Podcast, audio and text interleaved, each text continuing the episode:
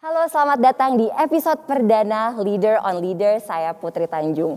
Dalam program Leader on Leader, CXO Media menghadirkan ruang diskusi bagi para pemimpin muda Indonesia untuk berbagi perspektif, membuka ruang kolaborasi, dan menyuarakan visi untuk generasi muda Indonesia. Spesial di episode perdana ini kita akan bicara tentang masa depan Indonesia di empat bidang yaitu kemajuan ekonomi digital dan ekonomi hijau Indonesia, pengembangan sumber daya manusia, dan juga sektor kesehatan. Sebelumnya saya mau info untuk teman-teman semua yang menyaksikan ketika mungkin di tengah obrolan mendengar istilah yang kurang familiar atau ingin tahu lebih lanjut berkaitan dengan topik diskusi, teman-teman bisa langsung klik aja dan berinteraksi di video hari ini. Dan kali ini kita akan berdiskusi bersama teman-teman saya yang sangat luar biasa membanggakan pemimpin muda Indonesia. Yang pertama ada Aldi Haryo Pratomo yang sudah berkontribusi dalam mengembangkan ekonomi digital Indonesia lewat GoPay, e-fishery, Halodoc, dan masih banyak lagi. Selanjutnya ada Andita F. Utami yang biasa dipanggil Afutami, seorang environmental economist yang konsisten menyuarakan pentingnya ekonomi hijau dan juga co-founder dan CEO dari Think Policy. Yang ketiga, kita ada Mas Sabda PS, seorang guru yang juga adalah CEO dan founder dari Zenius, salah satu platform pendidikan yang telah banyak membantu anak muda Indonesia mendapatkan materi pendidikan yang berkualitas. Dan teman-teman bicara soal kesehatan telah hadir Charlene Eriza Putri, seorang biotech entrepreneur yang selama ini aktif mengembangkan inovasi bioteknologi di bidang kesehatan melalui Nusantix. Dan yang paling spesial sudah hadir juga di tengah-tengah kita Presiden Republik Indonesia yang juga bos saya, Bapak Presiden Joko Widodo. Selamat pagi Pak, terima kasih Pak Presiden dan teman-teman semua untuk waktunya. Selamat tahun baru. Selamat tahun baru Pak Presiden. Pak, biasanya kalau anak muda itu setiap tahun baru punya resolusi. Apa harapan utama Pak Presiden di tahun ini, Pak? Ya, mungkin ini sama dengan harapan seluruh masyarakat. Pandemi segera selesai. Amin, amin. Ekonomi segera pulih. Amin, kembali. amin. So, biasanya kalau anak-anak muda bilangnya New Year, New Me. Semoga pandeminya cepat selesai dan kita bisa beraktivitas seperti biasa lagi. Nah, eh, Bapak Presiden, salah satu yang membanggakan Pak dari negara kita adalah pengembangan ekonomi digital Indonesia yang tumbuh sangat pesat selama dua tahun terakhir ini dan dalam uh, presidensi G20 tahun ini ekonomi digital adalah salah satu isu paling penting yang penggeraknya utama adalah inovasi digital anak-anak muda Indonesia Pak. Pak Presiden, apa visi Pak Presiden untuk memajukan ekonomi digital Indonesia dan bagaimana Pak cara kita bisa menuju ke sana Pak? Ya kita ini kita ini uh, negara besar artinya memiliki pasar yang besar. Ya ini kekuatan yang harus kita sadari. Ya. Jangan sampai nanti orang lain yang ngambil Betul. pasar yang gede ini. Dan yang kedua, kita juga memiliki anak-anak muda yang banyak. Ya. Sehingga nanti akan menjadi sebuah pasar yang progresif terhadap inovasi di bidang digital. Ini yang tidak dipunyai juga oleh negara lain.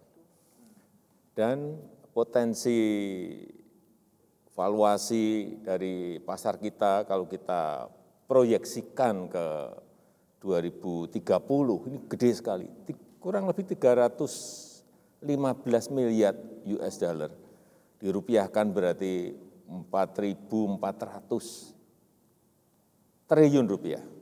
Oleh sebab itu ini akan nanti akan menjadi sebuah mesin pertumbuhan ekonomi Indonesia. Ya. Sekali lagi jangan sampai potensi yang besar ini yang mengambil kuenya adalah orang lain dari negara lain. Kita yang muda-muda ini harus dapat mengambilnya. Oleh sebab itu, uh, segera dalam waktu yang secepat-cepatnya persiapan itu menuju ke sana itu harus segera diambil. Saya uh, senang sekarang ini sudah ada Dekakon di Indonesia, ada berapa sembilan unicorn di Indonesia. Saya kira apa semua tahu. Ada Gojek, ada Tokopedia, ada Traveloka, ada Bukalapak, ada OVO, ada online pajak, ada apalagi yang belum yang belum saya sebut Sendit, Ajaib, ya. GNT Express, Dekakon semakin banyak, Unicorn semakin banyak, dan ini mulai yang Sunikon, Sunikon juga nanti naik menjadi uh, unicorn, yang startup semuanya bisa naik. Ini yang kita harapkan itu. Artinya memang kuncinya adalah talent-talent digital kita ini harus harus harus disiapkan, harus didorong agar segera bisa menguasai pasar yang ada. Dan uh, kita uh, baru saja kemarin telah menyiapkan yang namanya Merah Putih Fund. Ini sebuah venture capital sehingga para startup yang jumlahnya sekarang sudah 2.200-an startup kita ada yang mendampingi, ya. ada yang memberikan pendanaan, mendampingi, memberikan pendanaan sehingga mereka nanti bisa muncul dan kita harapkan akan banyak eh, unicorn-unicorn baru yang hampir seluruhnya itu dari anak-anak muda ya. yang nanti bisa memperkuat eh, ekonomi digital di Indonesia. Saya rasa itu dan opportunity sangat besar ya Pak Presiden ya. Gede sekali. Sangat gede besar sekali, ya Pak. Gede sekali. Dan senang banget karena dua tahun terakhir ini banyak sekali Pak anak-anak muda Indonesia semakin muda Pak. Hmm. Yang akhirnya bikin startup-startup baru, inovasi-inovasi baru yeah. untuk iya. menyelesaikan banyak masalah. Yeah. Dan yang paling hebat adalah banyak yang kolaborasi. Tuh kerjasama Banyak yang kerjasama. Nah, Mas Adi sebagai pelaku ekonomi digital nih Mas Adi, gimana sih Mas cara kita bisa menangkap peluang tersebut dan gimana caranya anak-anak muda Indonesia ini bisa berkontribusi? Tadi kata Pak Presiden harus bisa mengambil kue tersebut. Ya, Gini sih, mungkin biar seru pakai analoginya analogi surfing kali ya. Kebetulan hobi saya selancar pak, makanya hmm. agak gosong sedikit. nah kalau di surfing itu ada dua kesamaan nih pak sama digital. Yang pertama adalah kita harus cepat tangkap ombak. Ya. Gitu. Jadi um, kalau surfing itu ombak itu bisa datang dari mana aja. Kita harus siap kalau kita telat sedikit kegulung. Nah dan semua inovasi itu datang gelombang-gelombang. Yeah. Gelombang pertama itu waktu itu saya pertama kali ke sini sama Bapak tahun 2017. Hmm. Saya sama Nadim, saya mewakili GoPay, Nadim Gojek itu gelombang pertama Pak. Hmm. Dan itu anak saya rasa yang pertama adalah anak mudanya harus cepat juga untuk masuk, yeah. karena kalau enggak telat. Gitu yeah. Tapi juga kenapa kita bisa maju? Karena waktu itu BI-nya juga cepat Pak. Kita punya keris standar QR itu. Nah dulu waktu saya di sini itu mungkin cuma 30 yang pakai keris. Sekarang udah 12 juta. Karena begitu ombaknya datang, anak mudanya masuk, infrastruktur regulasinya juga masuk, cepat Pak berkembang. Hmm. Yang kedua, gelombang keduanya mungkin lebih banyak. Jadi ada pendidikan, ada kesehatan. Saya di Halodoc kebetulan gitu kan. Ada juga pengiriman tadi ya, JNT misalnya. Itu sama Pak. Misalnya di kesehatan tahun lalu lah kita lihat uh, infrastruktur regulasi mengenai telemedicine juga sangat jalan kan. Jadi anak muda yang masuk tiba-tiba banyak nih health tech company masuk. Ada bahkan ada genomics saya nggak kebayang Pak ada biotech company di Indonesia dulunya yeah. sebelumnya. Jadi, nah yang ketiga nih Pak, yang saya mau mungkin sharing juga ya gitu, karena e-fishery nih Pak, kita kan punya alat untuk ngasih makan ikan. Kolam tuh ada sekitar pembudidaya dulu dua setengah juta di Indonesia. Sementara yang kita masuk baru 30 ribu. Hmm. Nah kendalanya apa? Sertifikasi misalnya untuk sertifikasi untuk makan makan ikan CPIB itu masih tersebar di setiap provinsi tiap Pemda gitu. Belum kayak misalnya BI atau Haldok yang semuanya centralized gitu. Jadi bagaimana caranya agar kita punya sebuah infrastruktur yang nasional, terutama untuk yang gelombang ketiga ini Pak. Gelombang ketiga saya lihat ada perikanan, pertanian, iya, iya. ada juga investasi gitu kan. Apalagi sekarang ada gelombang kripto nih Pak. Gelombang kripto ini bisa masuk ke, kalau digabungin perikanan nyambung loh Pak, bisa pakai blockchain, sertifikasi, sertifikasi tanah juga itu misalnya uh, bisa kita masukkan. Nah itu nanti kalau kita bisa punya infrastruktur ini, nanti anak muda nggak hanya di Jakarta tapi di daerah juga akan iya. berkembang inovasinya. Hmm. Gitu. Mungkin kesamaan yang kedua dengan surfing adalah ini kalau surfing itu sekarang kan Indonesia terkenalnya dengan Bali ya. Padahal Indonesia itu secara budidaya alam ya, surfing itu mungkin terbaik di dunia. Karena jumlah pantai dan ombak kita tuh nggak ada yang ngalahin lah Pak. Sama sebenarnya juga dengan startup gitu. Jadi kalau sekarang kita fokusnya masih ke unicorn gitu, nanti saya melihatnya nanti ke depannya akan berkembang mulai ke masing-masing daerah gitu. Jadi e-fishery yang tadinya di Bandung nanti mungkin ada nanti ada di Papua, ada di mana-mana gitu. Karena saya rasa dengan kita fokusnya ke satu yang besar-besar aja nanti yang ke daerah nanti takutnya tertinggal. Jadi harapan saya sih anak muda nanti dari mana aja mau kota mau di Aceh, mau di Bali, mau di Sumatera, mau di Papua semuanya bisa ikutlah ke ekonomi digital ini gitu. Tapi ya itu harus cepat sama harus nasional gitu. Dan masalahnya di daerah-daerah kan juga berbeda-beda ya Mas Aldi. Betul. Jadi peluangnya juga pasti banyak dan berbeda-beda gitu. Tinggal kita melihat nih lokalisasi apa aja sih permasalahan yang ada di daerah daerah tersebut ya Mas Aldi. Betul, makanya Pemda juga perannya penting di sini. Iya betul. Jadi tengahnya nasional tapi Pemda gimana kita membuat registrasi sertifikasi yang nasional sehingga jalan semuanya, fondasinya ada. Nah biasanya sebagai seorang entrepreneur kayak saya sendiri yang dibutuhkan adalah mentor. Tadi Pak Presiden bilang ada merah putih fund yang menurut saya bagus banget tuh Mas Adi kan karena untuk bisa mementori dan memberi akses untuk para uh, pemuda-pemuda juga. Apalagi semoga harapannya lebih banyak lagi woman entrepreneur yang ada di Indonesia yang bisa disupport juga. Nah, Pak Presiden tadi kita udah ngomongin soal ekonomi digital gitu kan. Untuk kita bisa mengimbangi tentunya dibutuhkan sumber daya manusia yang unggul. Maka dari itu dibutuhkan terobosan baru terkait pengembangan SDM. Pemerintah kemarin sudah memiliki terobosan bernama Merdeka Belajar. Bapak Presiden, bagaimana Merdeka Belajar membantu membentuk sumber daya manusia yang unggul, Bapak? Ya, yang kita ingin bangun ini kan adalah sebuah ekosistem besar masyarakat digital. Ya. Tidak hanya apa, pampre, apa digital government, tidak hanya yang berkaitan uh, dengan Eh, digital ekonomi, tetapi apa, ekosistem digital dalam rumah besar ini harus betul-betul disiapkan dan itu bisa terjadi kalau SDM-nya siap. Nah, kalau kita hanya me, apa, berjalan uh, sesuai apa, uh, seperti biasanya, nggak akan nggak akan ngejar, nggak akan ketemu. Oleh sebab itu, Menteri Pendidikan dan Kebudayaan memunculkan yang namanya kampus merdeka, memunculkan yang namanya merdeka belajar. Artinya anak-anak muda kita, anak-anak kita ini bisa belajar kepada siapa saja. Bisa belajar apa pun dan di mana pun juga.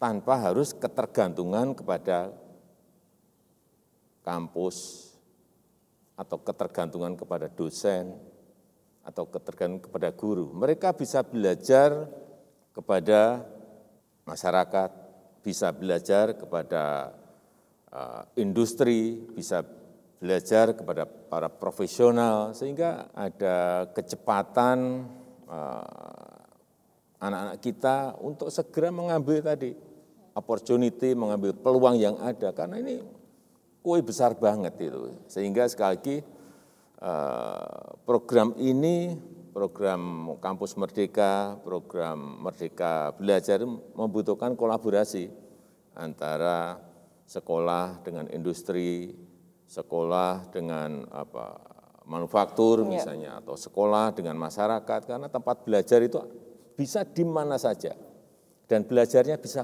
kapan saja belajarnya bisa dengan siapa saja.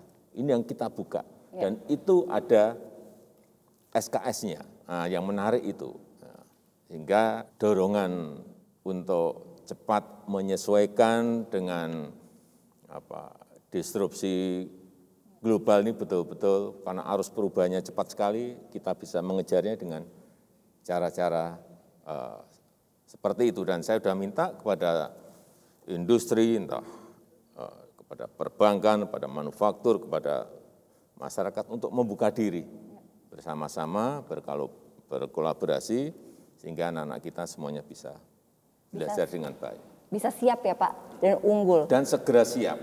Iya betul. Nah kalau Mas Abda sendiri, berarti apa nih yang perlu ditambahkan Mas untuk mendorong kemajuan pendidikan kita Mas? Ya pertama-tama eh, Pak saya tuh mau ini dulu terima kasih lah gitu soal kampus Merdeka ini ya salah satunya kampus Merdeka ini seru banget loh programnya di mana anak-anak bisa 2 sampai tiga semester iya. ngambil yeah. di luar kampus di company termasuk uh, perusahaan saya juga Pak gitu di Zenius ya. Dan itu uh, suatu terobosan yang luar biasa bisa diakuin lah gitu ya uh, revolusioner gitu. Nah, tapi uh, karena Zenius juga ya perusahaan ya untuk uh, pendidikan gitu ya kita coba cari tahu juga kan sebenarnya apa sih yang missing apa yang masih kurang di sini gitu selain industri ini. Nah ternyata uh, para industri ini perusahaan-perusahaan ini memang ada satu hal yang ada garis merah yang rasanya kurang. Jadi kalau anak-anak dan anak-anaknya pengennya belajar apa atau industrinya mau belajar apa cenderung ilmunya sudah mulai spesifik pak Hmm. Misalnya oh maunya programming atau accounting atau apa gitu yang udah mulai spesifik. Tapi sebenarnya dalam pendidikan ini ada ada masalah di kita yang mungkin juga tercermin dalam hal PISA score kita adalah yang kita bisa bilang fundamental skills-nya. Jadi karena fundamental ini sangat-sangat penting ya, numerasi, literasi, kita sebut penalaran realitas gitu ya. Ini menjadi fundamental banget untuk bisa ketika anak-anak menguasai ini, untuk bisa jadi kepake ke mana-mana gitu. Jadi kalau ininya kurang bisa jadi misalnya contohnya ya, kalau ininya kurang mempelajari langsung ke programming gitu bisa jadi sulit atau bisa jadi butuh waktu dua tahun gitu. Tapi kalau ininya kuat mungkin tiga bulan cukup gitu. Jadi ini akselerasi tadi bisa terjadi jika fundamental ini kuat.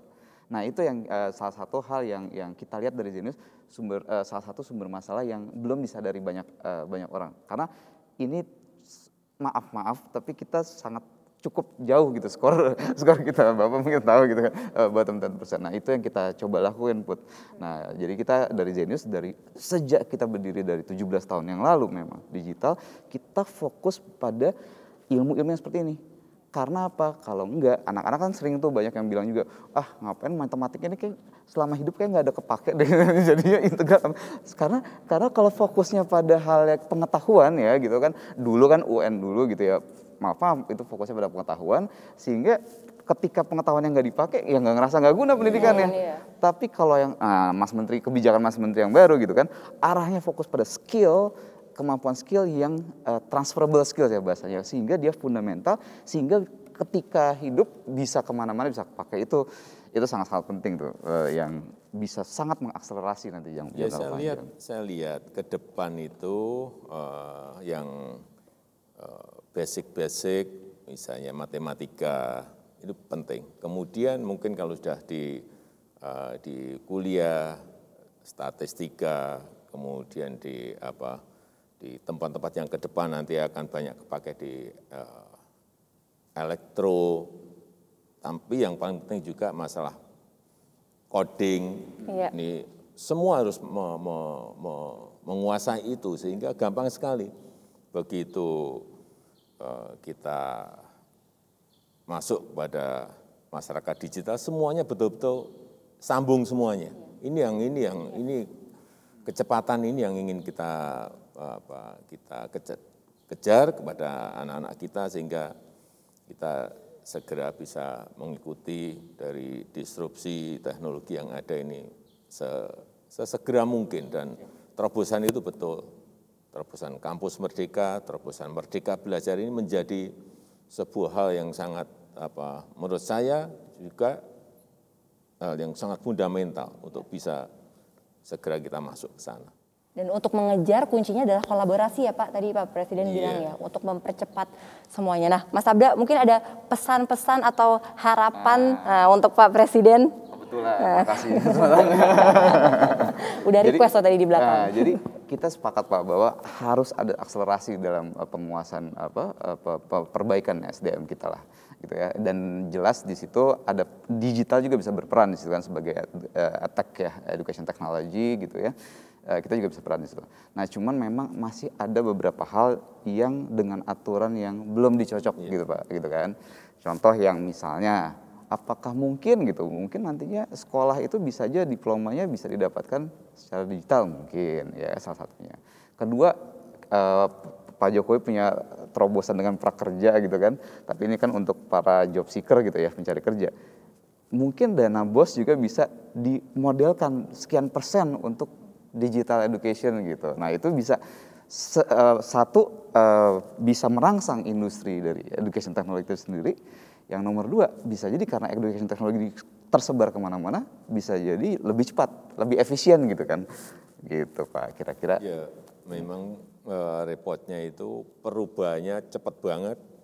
Regulasi, peraturan, atau undang-undangnya ketinggalan. Ya, ini yang ini kadang-kadang yang menyebabkan birokrasi tidak hanya di Indonesia ya.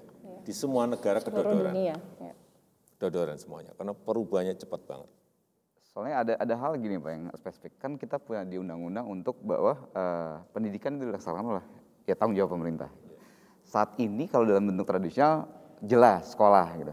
Nah sekarang kalau udah digital, nah digitalnya ini siapa yang ada siapa yang bayarin gitu kan? Saya kira masukan baik, masukan baik. Mas Abda, semoga bisa cepat terlaksanakan.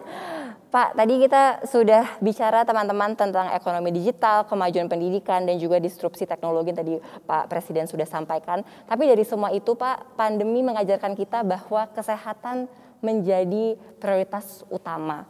Pak Presiden salah satu fokus utama adalah mewujudkan penanganan kesehatan yang inklusif Pak. Nah belajar dari pandemi, bagaimana Pak cara kita mewujudkan hal tersebut? Iya, jadi eh, pandemi ini mengajarkan kepada kita pentingnya kesiapan dan kecepatan. Kalau kita nggak siap dan kita nggak cepat kedahuluan sama yang namanya uh, virus. Oleh sebab itu, uh, dalam menghadapi ketidakpastian ke depan, kita sudah menyampaikan kemarin misalnya di G20 agar negara-negara ini seluruh dunia ini membangun sebuah arsitektur kesehatan global yang baru sehingga kalau ada sebuah negara terkena apa, virus, terkena penyakit itu penanganannya langsung cepat masuk. Baik yang berkaitan dengan apa, dana, yang berkaitan dengan vaksin, yang berkaitan dengan alat kesehatan, yang berkaitan dengan obat-obatan, ini sekarang kelihatan. Setelah ada pandemi ini kelihatan bahwa kita tidak siap. Kita tidak cepat sehingga kedahuluan oleh penyakitnya terlebih dahulu. Inilah yang nanti di G20 di Indonesia kita akan berbicara mengenai arsitektur kesehatan global yang baru sehingga jelas siapa yang misalnya ada suatu negara eh, terkena penyakit siapa yang datang ke sana. Ya. Kalau krisis keuangan jelas ada krisis keuangan yang datang ke sana Bank Dunia, IMF itu ada. Tapi kesehatan ini perlu yang siap dengan oh ini kekurangan obat, nih obat. Kekurangan apa? Vaksin. Nih vaksin. Bukan kayak sekarang. Sekarang ini saya sudah di awal-awal saya sampaikan jangan sampai nanti ada negara yang kelebihan vaksin tetapi ada negara yang tidak memiliki vaksin dan itu terjadi sekarang sehingga iya. muncul omikron ini iya. karena iya. dan misalnya di Afrika ini hanya kurang dari enam persen yang tervaksin ya, negara kita uh, sangat beruntung ya. sampai hari ini sudah lebih dari 280 juta dosis vaksin yang sudah kita suntikkan. Ini apa? Meskipun kita belum menjadi produsen vaksin. Nah, ya. tapi kecepatan kita dalam mendapatkan vaksin ini cepat banget. Jadi pandemi ini mengajarkan kita banget ya Pak, untuk kita harus siap ya Pak, karena ya. kita ini kejar-kejaran sama virus ya Pak. Ada kesiapan, ada kecepatan. Betul. Nah, tadi udah ngomongin soal kesiapan dan kecepatan itu kan penting banget. Nah, aku ke Charlene sekarang. Sebenarnya apa sih tantangan terbesar untuk mewujudkan tadi penanganan kesehatan yang inklusif dengan kita harus cepat um, dan kita harus siap. Bisa nggak share pengalaman kamu nih dan Nusantix? Oke. Ini mungkin sedikit curhat ini Bapak Presiden.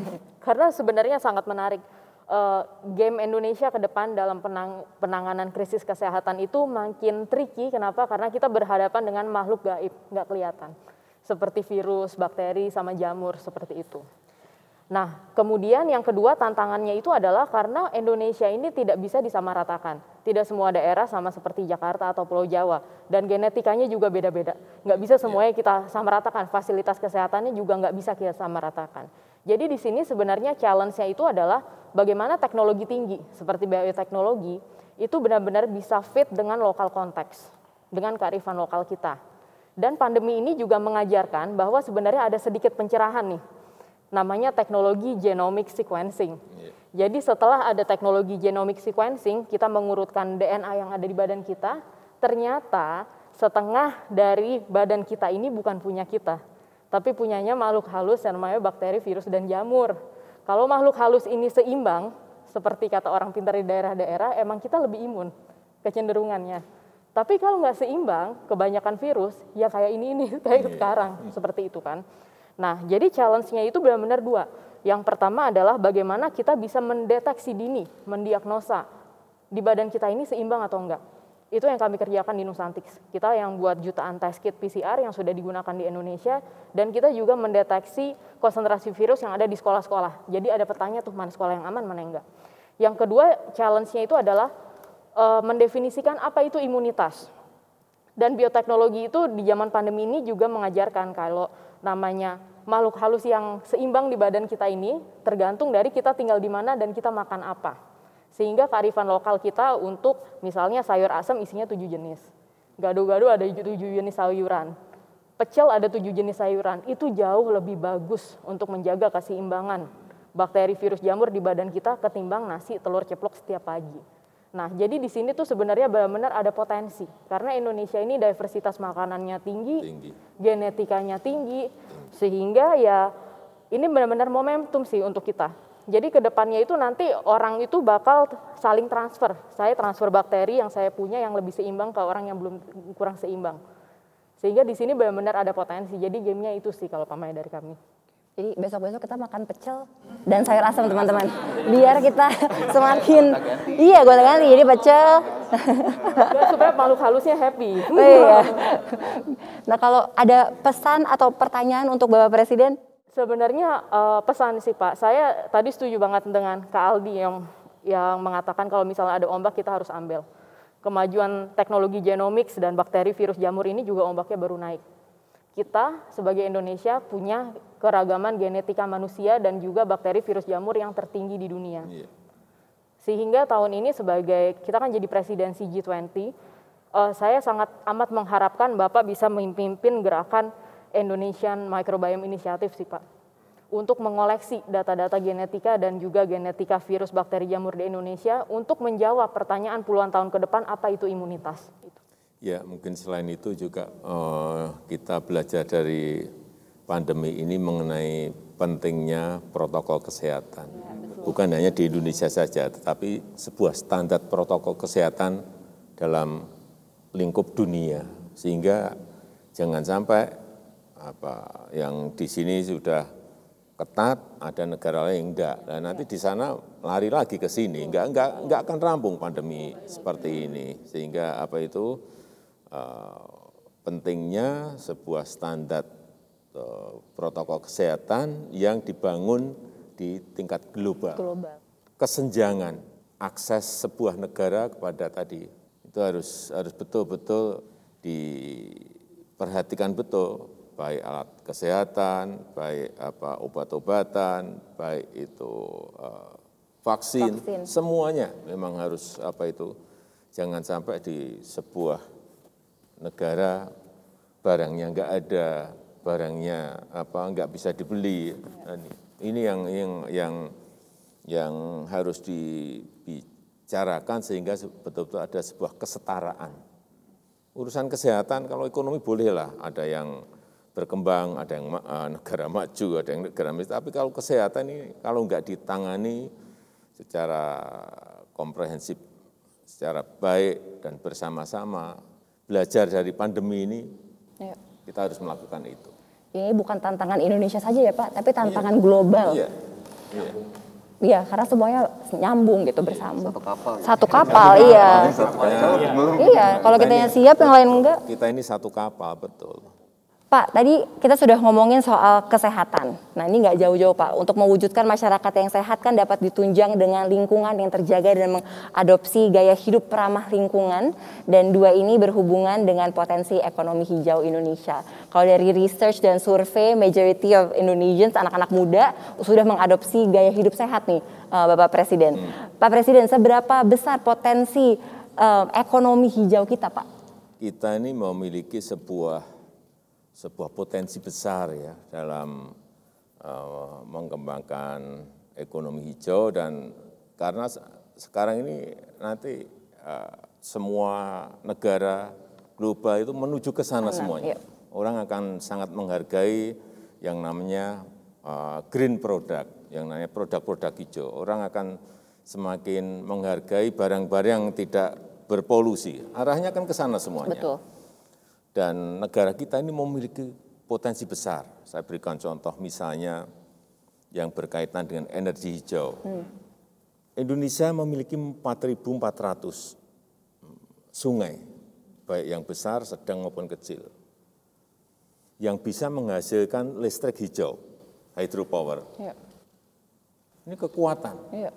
Dari listrik yang hijau nanti bisa kita membangun sebuah industri yang hijau dari industri hijau bisa menghasilkan sebuah produk hijau yang nilainya premium. Ya. Ini yang kita sedang bangun sekarang ini, eh, baru kita groundbreaking eh, bulan lalu di Kalimantan Utara. Ya. Sehingga nanti dia akan dari sana akan bisa menghasilkan misalnya mobil listrik. Karena di situ nanti akan dihasilkan lithium baterai, EV baterai, sehingga muncul mobil listrik. Juga uh, sodium ion juga di situ akan dihasilkan. Sehingga ini produk-produk hijau yang kita arah, karena dari situlah kita akan memiliki sebuah nilai tambah yang besar. Betul. Tadi berbicara sungai, belum geotermal. Geotermal kita memiliki potensi 29 ribu megawatt yang kalau kita lihat sekarang baru kepakai 2000. Artinya masih ada peluang 27 ribu. Saya tadi lupa mengenai hydropower. 4.400 sungai.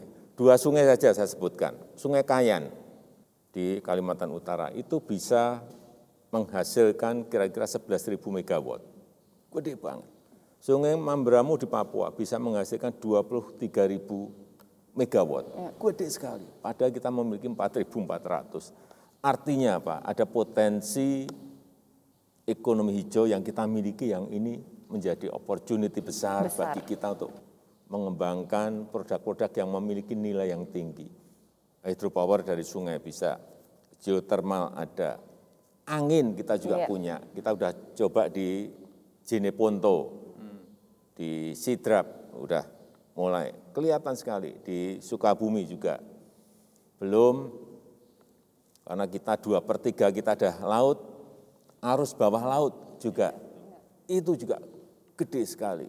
Kesempatan ini segera ambil. ambil iya. Yang muda-muda ini segera ambil. Ini ada ada sebuah uh, kesempatan besar ke depan yang harus kita manfaatkan untuk kesejahteraan, untuk kemakmuran rakyat kita ini green economy bisa menjadi masa depan Indonesia. Tapi Pak Presiden juga bilang bahwa sumber daya alam kita juga sangat luar biasa hebatnya gitu. Nah menurut Mbak Afu nih, bagaimana kita dapat memanfaatkan potensi green economy Indonesia ini? Tadi kan Pak Presiden bilang kita anak muda harus cepat-cepat mengambil opportunity ini. Gimana nih? Apa langkah pertama yang kita bisa lakukan, yang bisa kita ambil? Uh, mau komentarin tadi sedikit tentang yang potensi ya. Tadi Pak Jokowi kan sempat menyebutkan bahwa kalau dalam konteks krisis kesehatan hari ini, kita sudah berhasil memvaksin begitu banyak, tapi sayangnya belum produksi vaksin. Hmm. Nah, krisis selanjutnya yang akan kita hadapi kan sebenarnya krisis lingkungan, iya, krisis betul. iklim. Iya. Tapi di dalam kasus krisis lingkungan, seluruh dunia itu sebenarnya bergantung sama Indonesia hmm. uh, untuk menyelesaikan krisis iklim. Jadi hmm. kalau tadi kita nggak bisa ekspor vaksin, sebenarnya kalau dalam konteks ekonomi hijau kita bisa ekspor menyumbang sangat uh, besar solusi besar, iya. secara global. Jadi statistiknya bahkan sepertiga dari tar target penurunan uh, kontrol polusi emisi uh, dunia itu tercapainya dari solusi berbasis sumber daya hmm. alam gitu Pak. Dan hmm. yang paling banyak potensinya wah, kedua setelah Brazil adalah Indonesia gitu. Jadi kita bahkan perannya sangat penting uh, untuk membantu dunia menyelesaikan atau mencegah uh, krisis lingkungan yang selanjutnya akan terjadi ini kan. Nah, tapi mungkin kalau pertanyaannya bagaimana salah satu tantangan yang saya lihat Pak, saya sebenarnya sangat mengapresiasi uh, administrasi Pak Jokowi dalam konteks melihat green economy ya. Tadi sudah banyak um, membahas tentang uh, uh, visi baru-baru ini juga ada peraturan presiden tentang nilai ekonomi karbon itu sangat sangat baik sekali. Tapi yang saya lihat Pak, sepertinya kacamatanya belum seragam nih. Uh, di, secara cross sektor dan uh, juga dari berbagai lapisan uh, uh, pelaku usaha misalnya ya. Jadi uh, ketika misalnya dari sisi kebijakan publik paradigma ekonominya sudah lebih utuh. Jadi bukan hanya melihat ekonomi sebagai transaksi moneter aja, tapi sebenarnya ekonomi itu keseluruhan gitu. Karena kita punya uang banyak, kalau misalnya banjir di mana-mana, atau kita punya uang banyak tapi uh, misalnya ada heat wave, kita tidak bisa uh, apa ya keluar dan menikmati uh, uh, lingkungan luar gitu. Itu kan sama aja bohong. Jadi sebenarnya ekonomi itu uh, menyeluruh gitu harus dilihatnya gitu. Nah, ketika sudah ada paradigma ekonomi yang sudah lebih lengkap ini, tapi yang lain ada yang masih sempit gitu Pak, masih melihat oh ekonomi itu kita harus eksploitasi sumber daya alam gitu, satu-satunya mendefinisikan ekonomi atau ekonomi itu uh, ya nggak usah mendulikan masyarakat sekitar lah, yang penting ini dimanfaatkan untuk moneter saja. Itu kan jadi uh, menjadi tantangan ya Pak. Jadi saya kira penyamaan perspektifnya dulu nih bahwa ke depan seperti tadi Pak Jokowi bilang negara-negara global pun melihat tumbuh ekonomi itu nggak bisa kalau nggak hijau Jadi bahkan saya suka bilangnya nggak perlu kata hijau, karena ekonominya sendiri harus sudah secara Harus hijau. internal uh, seperti itu paradigmanya harus sudah holistik gitu kan melihat uh, kesejahteraan masyarakat, kebersihan lingkungan, uh, apa tidak ada polusi dan uh, kesehatan pernapasan misalnya dan sebagainya sebagai bagian dari ekonomi secara utuh. Uh, nah kalau itu sudah paradigmanya sudah sama, uh, mungkin itu tadi requestnya adalah bagaimana caranya supaya peraturan-peraturan Indonesia terkait dengan mendorong ekonomi hijau ini uh, mungkin konsisten dan permanen ya Pak. Ya, jadi memang betul Afu tadi sampaikan bahwa selain pandemi ini, yang krisis besar yang akan datang itu yang paling mengerikan adalah krisis lingkungan. Krisis karena perubahan iklim. Dan Indonesia memiliki sebuah potensi besar dalam apa ekonomi hijau ini karena kita memiliki lahan hutan hijau yang juga bisa dihijaukan itu sangat luas sekali. Kita harus tahu bahwa hutan mangrove kita ini adalah yang paling luas di dunia, 3,3 juta hektar. Paling gede, paling luas. Dan dari mangrove ini bisa menghasilkan uh, karbon yang 4 sampai 5 kali lipat lebih tinggi daripada hutan biasa. Inilah apa kenapa kita konsentrasi merestorasi uh, hutan-hutan mangrove karena memang ke sana sehingga penting sekali dan kekuatan besar kita juga untuk carbon trading, carbon offset itu betul-betul ini akan menjadi kekuatan Indonesia untuk berbagi dengan negara-negara lain di dunia karena memang kekuatan kita besar. Oleh sebab itu juga penting nanti di dalam G20 akan kita bicarakan mengenai uh, transisi energi. Energi transition ini penting sekali karena apa? Karena ya dunia termasuk Indonesia ini masih uh, banyak memakai batu bara yang itu akan kita transisikan ke energi hijau yang tadi memiliki sebuah nilai uh, tambah yang besar apabila digunakan dalam kehidupan kita sehari-hari. Saya, saya, saya melihat peluang-peluang ini akan menjadikan uh, Indonesia ini lebih baik apabila kita memiliki konsistensi Ya. yang terus-menerus terhadap policy yang sudah kita lakukan. Dan kita ingat kemarin sudah kita bisa menangani eh, kebakaran hutan, 82 persen sudah anjlok turun kebakaran hutan kita.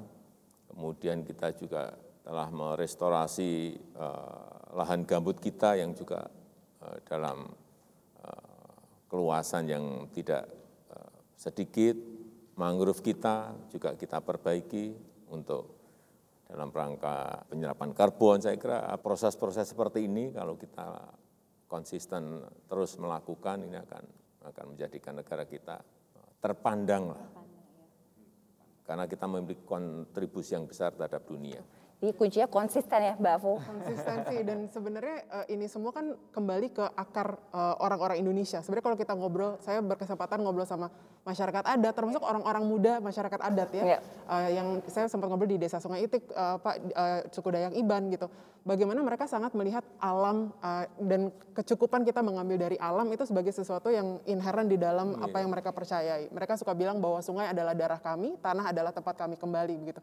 Jadi kalau dibilang oh ini tuh paradigma barat tentang bagaimana kita harus rendah karbon tuh enggak justru ini kembali ke akar uh, nilai-nilai kebudayaan Indonesia gitu ya. Bagaimana kita menerjemahkan itu menjadi ke dalam tadi teknologi energi bersih, pengelolaan sumber daya alam lebih baik dan sebagainya. Jadi sudah ada di darah kita ya sebenarnya.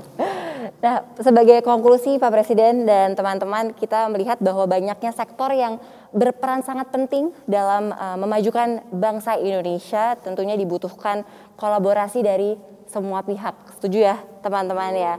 Pak, pertanyaan uh, penutup Pak Presiden, um, apa wejangan atau pesan Bapak untuk para pemimpin masa depan Indonesia yang menonton hari ini? Ya kepada anak-anak muda kita, kepada generasi muda kita, jangan pernah berhenti belajar. Ya.